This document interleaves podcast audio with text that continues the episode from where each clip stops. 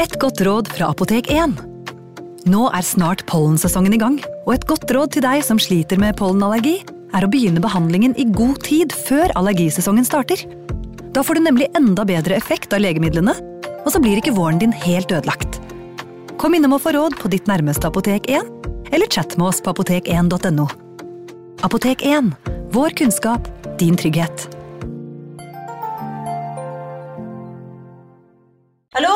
Jeg kommer fra Oslo politikammer. Ine Jansen er purk. Er du purk? The motherfucking bitch. Alt jeg vil, er å finne ut hva som skjedde med mannen min. Jon Carew. Er jeg sikta for noe? Iben Akeli. Det er du. Ole So, Lars Berrum og Big Daddy Karsten. Hvem sin side er du på, egentlig? Anette Hoff, Tone Danielsen, Kommer du fra Afrika? Jørnis Josef, Nesten. Kløfta. Trond Espen Seim, Det er synd å si det, men det var feil mann som døde. Purk. Premiere tirsdag på TV2 Play. Ungsamtalen fra DNB er økonomisk veiledning tilpasset deg som er ung. Bokk en ungsamtale på dnb.no. slash ung. Det er kjempebra hvis du skal inn på boligmarkedet, hvis det er drømmen din, liksom. Det er det du skulle sagt. Og så kunne du ropt litt mer, da, sånn som jeg gjorde. Bam! Advarsel. Denne podkasten inneholder skildringer av ekte drap og kriminalsaker som kan være støtende for enkelte. Det advares også mot sterke inntrykk i deler av episoden. 25. april 1990, Oklahoma. 20 år gamle Tonja Hughes var på vei tilbake til motellet hvor hennes ektemann og to år gamle sønn ventet på henne. Hun gikk langs veikanten med en handlepose i hendene og musikk på ørene. Tonja var i sin egen verden og hørte derfor ikke at bilen som kjørte bak henne, økte farten. Hun rakk derfor ikke å reagere før bilen krasjet inn i henne. Tonja ble kastet ned i grøftekanten mens bilen kjørte videre langs veien. Da hun ble funnet en liten stund senere, var hun hardt skadet, men fremdeles i live. Matvarene fra handleposen lå spredt rundt henne. Hele kroppen hennes ristet i ufrivillige spasmer. Tonja ble hastet til sykehuset, hvor hun ble lagt i et kunstig koma. Tilstanden hennes var kritisk, men legene hadde fremdeles et lite håp om å redde Tonja. Ektemannen hennes, Clarence, kom snart til sykehuset. Han oppførte seg riktignok ikke som man skulle forvente i en slik situasjon. Clarence insisterte på at ingen fikk besøke Tonja. Det eneste som fikk lov til å gå inn på rommet hennes, var han selv og legene. Flere av Tonjas venninner og kolleger nektet likevel å føye seg etter Clarence sine regler. Det var ingen vitner til selve ulykken, og Tonja var heller ikke i stand til å snakke.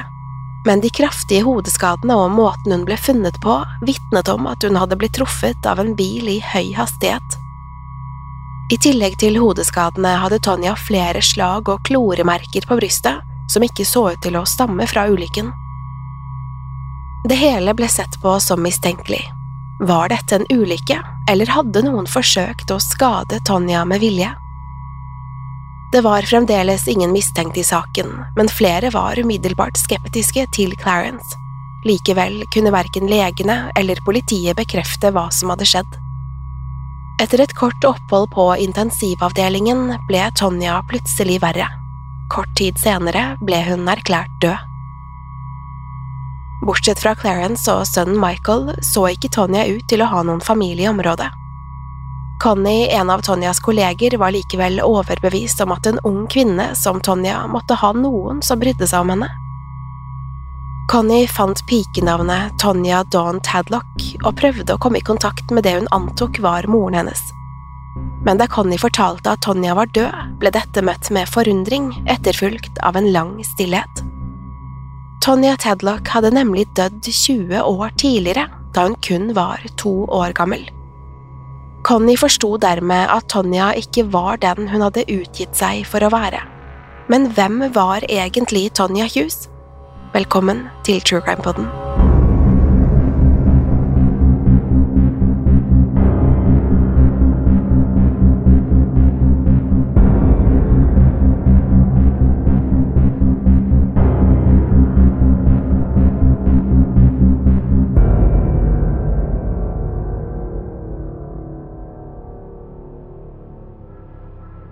Tonya Hughes hadde bare bodd i Tulsa i Oklahoma i et års tid da hun tilsynelatende ble påkjørt av en bil og etterlatt for å dø. Tonya var en ung mor, men ektemannen Clarence var langt eldre. Det var vanskelig å forstå hva den vakre og sprudlende Tonya gjorde med nesten 50 år gamle Clarence. Clarence hevdet at han var delvis ufør, og det var dermed opp til Tonya å forsørge ektemannen og sønnen. Hun hadde derfor begynt å jobbe på strippeklubben Passions kort tid etter at de flyttet til Tulsa. I begynnelsen hadde Tonja virket stille og innesluttet, og hun holdt seg stort sett for seg selv. Etter hvert ble hun likevel bedre kjent med kollegene, og sakte, men sikkert begynte Tonja å åpne seg. Hun fikk da en svært god tone med Connie, som også jobbet på klubben. Tonja var fremdeles hemmelighetsfull, men begynte nå å avsløre flere detaljer om livet sitt. Connie fikk inntrykk av at Clarence var både voldelig og manipulativ. Det var også åpenbare tegn til at han utnyttet Tonja. Clarence krevde nemlig at Tonja tjente minst 200 dollar hver eneste kveld, og at han ble rasende dersom hun ikke nådde målene. Tonja møtte ofte opp med blåmerker på kroppen, og selv om hun ikke ville innrømme det selv, fryktet Connie at dette var forårsaket av Clarence. Clarence kjørte Tonja til jobb hver kveld og ventet ofte på parkeringsplassen til hun var ferdig. Han krevde da at hun ga ham hver eneste dollar hun hadde tjent, og nektet henne å beholde noe til eget bruk. Det var åpenbart at livet på hjemmebane var en stor belastning for Tonja. Samtidig var det ingen tvil om at Tonja elsket sønnen og ønsket å beskytte ham. Men det eneste stedet hun fikk lov til å være seg selv, var da hun var på jobb. Det virket befriende for Tonja å endelig kunne fortelle noen om hva som foregikk hjemme. Connie mislikte allerede Clarence. Han var kald og uhyggelig mot alle han møtte, og Connie merket også at Tonja forandret seg da han var i nærheten. Kevin Brown var en ung student som nesten umiddelbart fikk en god tone med Tonja. De innledet et hemmelig forhold og begynte snart å snakke om å starte et nytt liv sammen. Connie oppfordret Tonja til å ta med seg sønnen og forlate Clarence, men Tonja avslørte at hun ikke våget å gjøre det. Hun var åpenbart livredd for hvordan Clarence kom til å reagere. Dessuten fryktet hun at Clarence ville ta fra henne sønnen. Tonje avslørte at hun visste for mye om ektemannen, og at han aldri ville godta at hun forlot ham. Hun var overbevist om at Clarence kom til å finne henne, og valgte derfor å legge fra seg drømmen om et nytt og bedre liv med Kevin. Noen uker senere ble Tonja truffet av en bil da hun var på vei hjem fra butikken. Connie fryktet at det var Clarence som hadde sittet bak rattet. Obduksjonen avslørte flere skader som ikke samsvarte med en påkjørsel. Flere av disse var eldre skader som vitnet om vold og mishandling. Tonja hadde dessuten synlige kloremerker på brystet, som tydet på at noen nylig hadde angrepet henne. Undersøkelsene viste samtidig at Tonja hadde vært gravid flere ganger, og at hun hadde født mer enn ett barn. Hun hadde riktignok ikke nevnt for Connie at hun hadde noen andre barn enn Michael. Dødsfallet ble vurdert som et mulig drap, men etterforskerne hadde ingen anelse om hvem som hadde kjørt bilen. De mistenkte likevel at dette ikke var et uhell. Det var mye som tydet på at sjåføren aktivt hadde gått inn for å treffe Tonja. Clarence fortsatte å oppføre seg merkelig. Han nektet å betale for Tonjas begravelse, men Connie og de andre kollegene bestemte seg for å spytte inn pengene for en liten seremoni. Ettersom de nå var usikre på hvem hun egentlig hadde vært, valgte de kun å skrive Tonja på gravsteinen. Den 4. mai ble Tonja lagt i jorden, og alle hennes kolleger samlet seg for å si farvel. Clarence hadde virket uinteressert i å delta, men han dukket likevel opp i begravelsen her lagde han en scene mens han kranglet høylytt med flere av de oppmøtte. Politiet håpet fremdeles å komme til bunns i hvem som hadde drept Tonja. De rettet søkelyset mot Clarence, som insisterte på at han og Michael hadde vært på motellet da ulykken fant sted. Det var ingen vitner som kunne plassere han på åstedet, men det var heller ingen som kunne bekrefte at han var på motellrommet. Etterforskerne fortsatte å holde øye med Clarence, og det skulle ikke ta lang tid før de fikk grunn til å tvile på alt han hadde fortalt dem. Saken skulle nemlig ta nok en vending. Tonjas dødsfall fikk nemlig mye oppmerksomhet, og bildet av den unge kvinnen ble flere ganger vist på TV. Det var nå flere som kjente igjen Tonja fra videregående, men de hadde kjent henne under et annet navn, nemlig Sharon Marshall. Og mannen som nå hevdet å være ektemannen hennes, Clarence, hadde på det tidspunktet vært kjent som Warren Marshall. Warren og Sharon var riktignok ikke kjærester. Warren og Sharon Marshall hadde vært far og datter. Et år etter Tonjas død ble Clarence arrestert for ulovlig våpenbesittelse. Det kom også frem at han kun dager etter begravelsen hadde prøvd å hente ut pengene fra Tonjas livsforsikring. Clarence oppga et personnummer som ikke så ut til å eksistere. Da dette ble avvist, oppga han et annet nummer, men heller ikke dette ga noen treff. Frustrert oppga Clarence et tredje personnummer. Dette ga treff i systemet, men ikke på Clarence Hughes. Personnummeret tilhørte nemlig en annen mann ved navn Franklin Delano Floyd. Dette fikk alarmen til å gå hos etterforskerne.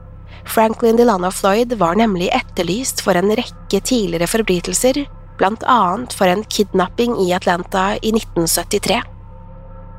Sist noen hadde hørt fra Franklin, var da han ble løslatt mot kausjon.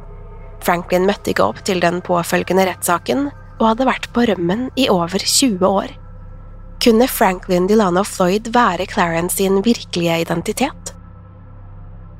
Michael ble plassert i et fosterhjem mens etterforskerne forsøkte å finne ut om Clarence, eller Franklin som de nå visste var hans sanne identitet, sto bak drapet på Tonja.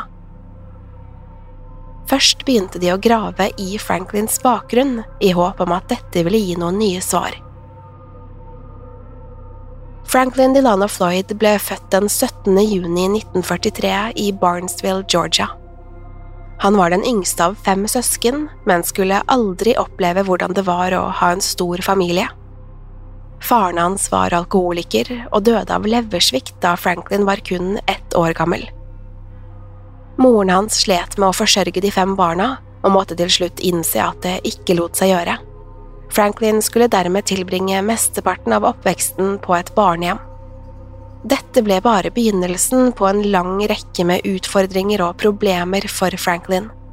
Han ble mobbet og trakassert av både barn og voksne på barnehjemmet. Flere av dem mente at han var for feminin, og han opplevde både å bli slått og seksuelt misbrukt. Franklin forlot barnehjemmet da han var 16 år og bodde en kort periode hos sin eldre søster. Han ble riktignok ikke boende lenge, og reiste snart videre for å spore opp moren sin. Franklin ble veldig skuffet da han fant ut at moren nå trakk på gaten. Med morens hjelp forfalsket Franklin papirer så han kunne verve seg i militæret. Han ble riktignok kastet ut så snart de oppdaget at han kun var 16 år gammel. Franklin prøvde igjen å spore opp moren sin, men denne gangen lykkes han ikke med å finne henne. Han endte dermed opp med å reise rundt i landet uten mål eller mening. I løpet av tenårene ble Franklin arrestert en rekke ganger og dømt for alt fra væpnet ran til svindel. Det tok likevel aldri lang tid før han slapp ut av fengselet og var klar for nye eventyr. I begynnelsen hadde Franklin bare forsøkt å tjene til livets opphold, men snart skulle forbrytelsene bli langt verre.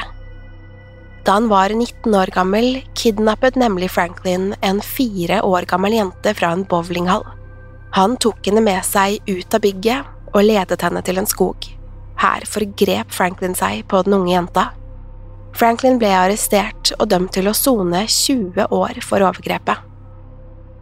Etter noen måneder ble han overført til et mentalsykehus, og i løpet av de neste årene ble Franklin flyttet mellom ulike fengsler og institusjoner.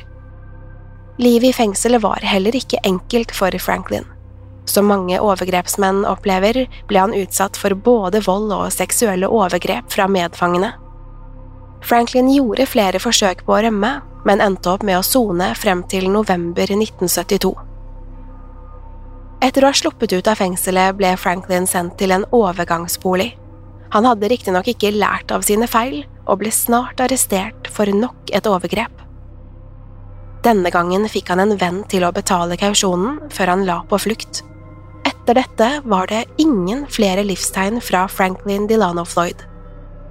Det var først i 1991 at politiet skulle oppdage at Franklin fremdeles var på frifot. Han hadde levd i flere år som Clarence Hughes, og, utrolig nok, klart å holde seg unna politiets søkelys.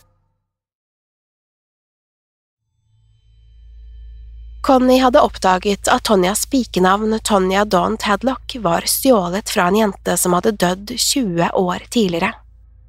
Hun delte dette med politiet, som dermed trappet opp jakten på Clarence, som de nå antok at egentlig het Franklin Floyd. Mens politiet fortsatte å etterforske Franklin, var Michael plassert i et fosterhjem. Han var kun to år gammel, men lå allerede bakpå i utviklingen. Han slet med motorikken og var ikke i stand til å kommunisere verbalt. Dette var åpenbare tegn til at han hadde opplevd store traumer. Det skulle senere bli avslørt at Michael ofte ble låst inne i et lite garderobeskap mens Franklin tok med seg Tanya på jobb.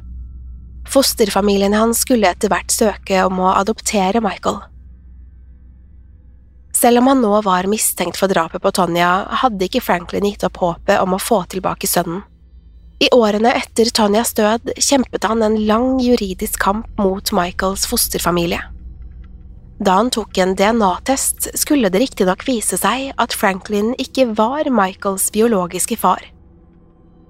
Avsløringene om Franklins kriminelle fortid, som inkluderte overgrep mot barn, skulle også svekke mulighetene hans for å vinne foreldreretten. Franklin var rasende og orket ikke tanken på at Michael skulle vokse opp i en annen familie. Da han innså at han var i ferd med å tape kampen, så han seg nødt til å ty til mer drastiske virkemidler. Den 4. september 1994 begynte som en helt vanlig dag. Lille Michael var på skolen og ante fred og ingen fare. Han hadde omsider begynt å føle seg trygg i sine nye omgivelser, og visste ikke at Franklin nå var der for å hente ham. Franklin visste at han ikke bare kunne gå inn i klasserommet og hente ut Michael. I løpet av de siste årene hadde Franklin kun hatt sporadisk kontakt med han. Michael hadde heller ikke noe ønske om å gjenforenes med mannen som en gang hadde utgitt seg for å være faren hans. Franklin møtte derfor opp på skolen, bevæpnet med en ladd pistol. Han vandret inn på rektors kontor og pekte våpenet mot rektorens ansikt. Franklin gjorde det klart at han var forberedt på å drepe rektoren dersom han ikke fulgte ordrene. Rektoren fikk instrukser om å hente Michael ut av klasserommet. I frykt for at Franklin skulle skade ham eller noen av de andre skolebarna, gjorde rektoren som han ble fortalt. Etter å ha hentet Michael tvang Franklin begge to inn i rektorens bil. De kjørte av gårde til et skogsområde, hvor rektoren ble kneblet og bundet fast til et stort tre. Han ble funnet noen timer senere, rystet, men fremdeles i live. Rektoren hadde likevel ingen anelse om hvor Franklin og Michael hadde blitt av. Dette ledet til en omfattende jakt på Franklin. Han var nå etterlyst for å ha kidnappet Michael, som ikke var hans biologiske sønn. Politiet fryktet derfor at Michael var i fare. Basert på Franklins bakgrunn var det heller ikke umulig at han planla å starte et nytt liv med nok en falsk identitet. Det var derfor avgjørende å finne Franklin og Michael så fort som mulig. Rektorens bil ble snart funnet i nærheten av Kansas, men det var ingen spor etter Michael og Franklin. Da bilen ble gjennomsøkt, skulle det likevel bli oppdaget noe som kunne knyttes til Michael. Skjult over bensintanken ble det funnet en konvolutt som inneholdt nesten 100 fotografier. Flere av disse var av barn og unge kvinner som poserte lettkledd eller nakne for kamera. Et av bildene så ut til å være Tonja da hun fremdeles var en ung jente. Noen av de andre fotografiene viste en ung kvinne som var kraftig forslått. Hun var i så dårlig forfatning at etterforskerne mistenkte at hun kanskje hadde blitt slått i hjel. Bildene skulle snart bli koblet til funnet av en ung kvinne, Cheryl Ann Comesso. Cheryl hadde vært savnet i fem år da levningene hennes ble funnet i Florida i mars 1995. Antrekket og skadene på bildet samsvarte med likfunnet. Politiet mistenkte derfor at Franklin sto bak drapet på Cheryl. Franklin ble til slutt sporet opp og arrestert i Kentucky. Han hevdet at han ikke visste hvor Michael var. Franklin fortalte at han hadde etterlatt sønnen hos en vennefamilie, og mente han ikke hadde sett Michael på lang tid. Funnene av bildene hadde riktignok brakt med seg en rekke nye spørsmål. Var den unge jenta på bildet virkelig Tonja? Når og hvor hadde i så fall Franklin møtt henne? Svaret på dette spørsmålet fikk man ikke før i 2014, da Susannes datter, som hadde blitt adoptert bort i 1989, tok en DNA-test. Men da Tonjas virkelige identitet omsider ble avslørt, var dette både tragisk og sjokkerende. Svaret brakte etterforskerne tilbake til 70-tallet, i tidsrommet etter at Franklin Delano Floyd tilsynelatende sluttet å eksistere. Da Franklin slapp ut av fengselet i 1972, hadde han fortsatt å reise gjennom USA. Ved å stadig endre navn på veien klarte han å holde seg utenfor politiets søkelys. I 1974 oppholdt Franklin seg i North Carolina og kalte seg Brandon Williams. Her møtte han snart Sandra Chipman, en alenemor som prøvde å ta seg av sine fire barn, Suzanne, Amy, Alison og Philip. Sandra ante ikke hvem Franklin Floyd var eller hva han hadde gjort, og falt umiddelbart for Brandon. De to hadde kun kjent hverandre i en måned da Franklin gikk ned på kne og fridde. De giftet seg snart, og Franklin fikk samtidig foreldreretten for de fire barna. Kort tid etter at de giftet seg, havnet riktignok Sandra i trøbbel. Hun ble arrestert og dømt for å ha betalt med ugyldige sjekker. Franklin fikk dermed eneansvar for barna og lovet å ta godt vare på dem inntil Sandra slapp ut av fengselet. Sandra sonet kun en måned, men da hun kom hjem, hadde både Franklin og barna forsvunnet. Hun forsto ikke hva som foregikk, men da hun ikke fikk tak i Franklin, endte Sandra opp med å kontakte politiet. Sandra fikk riktignok beskjed om at de ikke kunne hjelpe henne. Ettersom de hadde delt foreldrerett, kunne de heller ikke sikte Brandon Williams for kidnapping. Da politiet heller ikke visste at Brandon i realiteten var Franklin Lloyd, visste de heller ikke at han tidligere var dømt for overgrepet på en fire år gammel jente. Dermed ble aldri barna meldt savnet, og Sandra var nødt til å lete etter dem uten politiets hjelp. Etter en liten stund fant hun to av døtrene, Alison og Amy, på et barnehjem, men Suzanne og sønnen Philip var fremdeles sporløst forsvunnet. Sandra fortsatte å lete etter Brandon Williams, men det var ingen tegn til at han noen gang hadde eksistert. Franklin hadde nemlig reist videre til Oklahoma og gikk nå under navnet Trenton Davis. Han var nå sammen med en ung jente som han hevdet var datteren hans. Det skulle likevel ikke ta lang tid før folk begynte å merke seg at Trenton og Suzanne Davis hadde et svært spesielt forhold. Til slutt ble en barnepike så skeptisk at hun kontaktet politiet, men innen noen rakk å undersøke hva som foregikk, hadde Trenton og Suzanne forsvunnet. I løpet av de neste årene levde de flere steder og tok ulike alias. I 1984 hadde Franklin tatt navnet Warren Marshall han bodde nå i Atlanta, Georgia med sin 15 år gamle datter Sharon. Sharon fremsto som en intelligent, utadvendt og lykkelig jente. Hun fikk gode karakterer og hadde flere venner. Sharon ble særlig godt kjent med en jente som het Jennifer. Det tok likevel ikke lang tid før Jennifer forsto at det var noe merkelig med Sharon. Jennifer fikk sjelden lov til å komme på besøk hos Sharon, men da hun en gang fikk overnatte, så hun at Sharon hadde flere klesplagg som virket upassende for en 15 år gammel jente. Dette var blant annet sexy undertøy som Sharon fortalte at hun hadde fått av faren sin. Selv om det hadde vært flere utfordringer på hjemmebane, fortsatte Sharon å briljere på skolen. Hun fullførte videregående med svært gode karakterer og kom inn på Georgia Institute of Technology.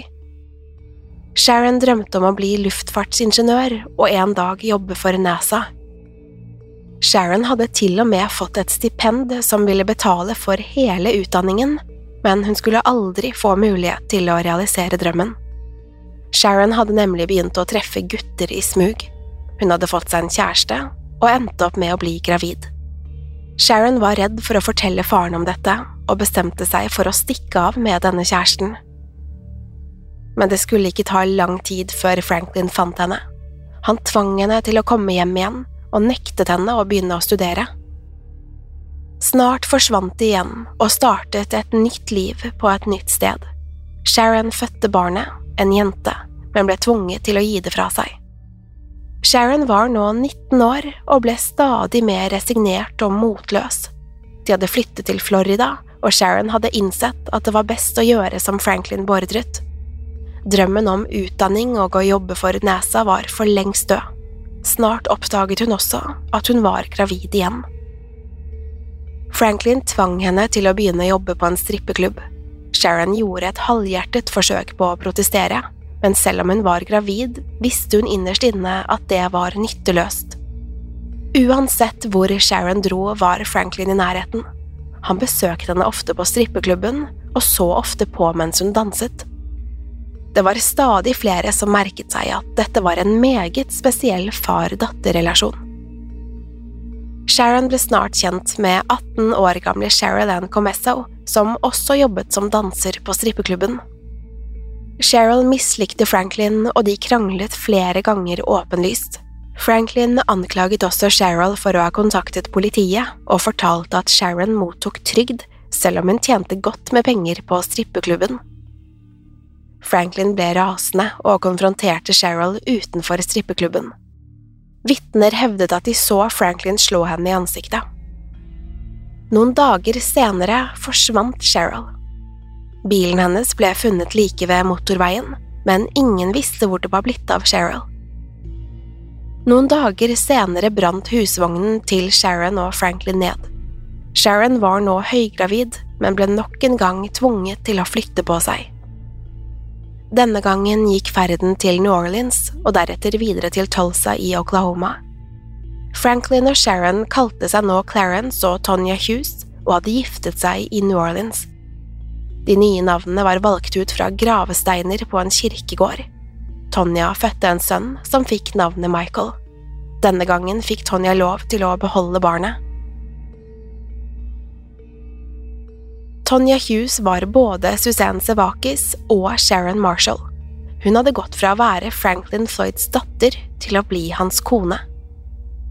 Det hadde vært et liv fullt av vold og misbruk, som til slutt skulle ende så altfor tidlig. Ettersom Suzanne Sevakis aldri ble meldt savnet, og Franklin aldri ble etterlyst for kidnappingen, var det heller ingen som forsto hva som foregikk. Hun hadde levd et tragisk liv hvor hun hadde gått fra å være Franklins adoptivdatter til å bli hans kone. Da hun hadde begynt å lete etter en utvei, hadde dette trolig kostet henne livet. Franklin ble aldri siktet for drapet på Suzanne, men risikerte å bli dømt til døden for drapet på Cheryl og kidnappingen av Michael. Franklin ga selv uttrykk for at han var klar for å dø, og håpet at han ville bli dømt til døden. Selv om han lenge hadde nektet for å vite hva som skjedde med Michael, skulle Franklin til slutt tilstå. Han avslørte at han hadde drept Michael kun timer etter at han hadde blitt kidnappet fra skolen. Michael hadde fått panikk og nektet å roe seg uansett hva Franklin gjorde. Franklin hevdet at han derfor hadde skutt Michael i hodet og etterlatt liket langs motorveien. Franklin fortalte hvor dette hadde skjedd, men politiet klarte aldri å finne levningene etter Michael. Franklin Delano Floyd døde i fengsel den 23. januar 2023. Han var 79 år gammel. Han tilsto aldri drapet på Suzanne. Dermed hadde også Tonjas venner fått svar på hvem hun egentlig var. Suzanne Sevakis var død, men hennes tre søsken var fremdeles i live. Broren hennes Philip ble ikke identifisert før i 2019. Mange hadde fryktet at Franklin hadde drept Philip, men det kom nå frem at han hadde vokst opp i en adoptivfamilie. Da sannheten om Tonja kom frem, valgte Connie å oppdatere gravsteinen. Den leser i dag Suzanne Marie Sevakis.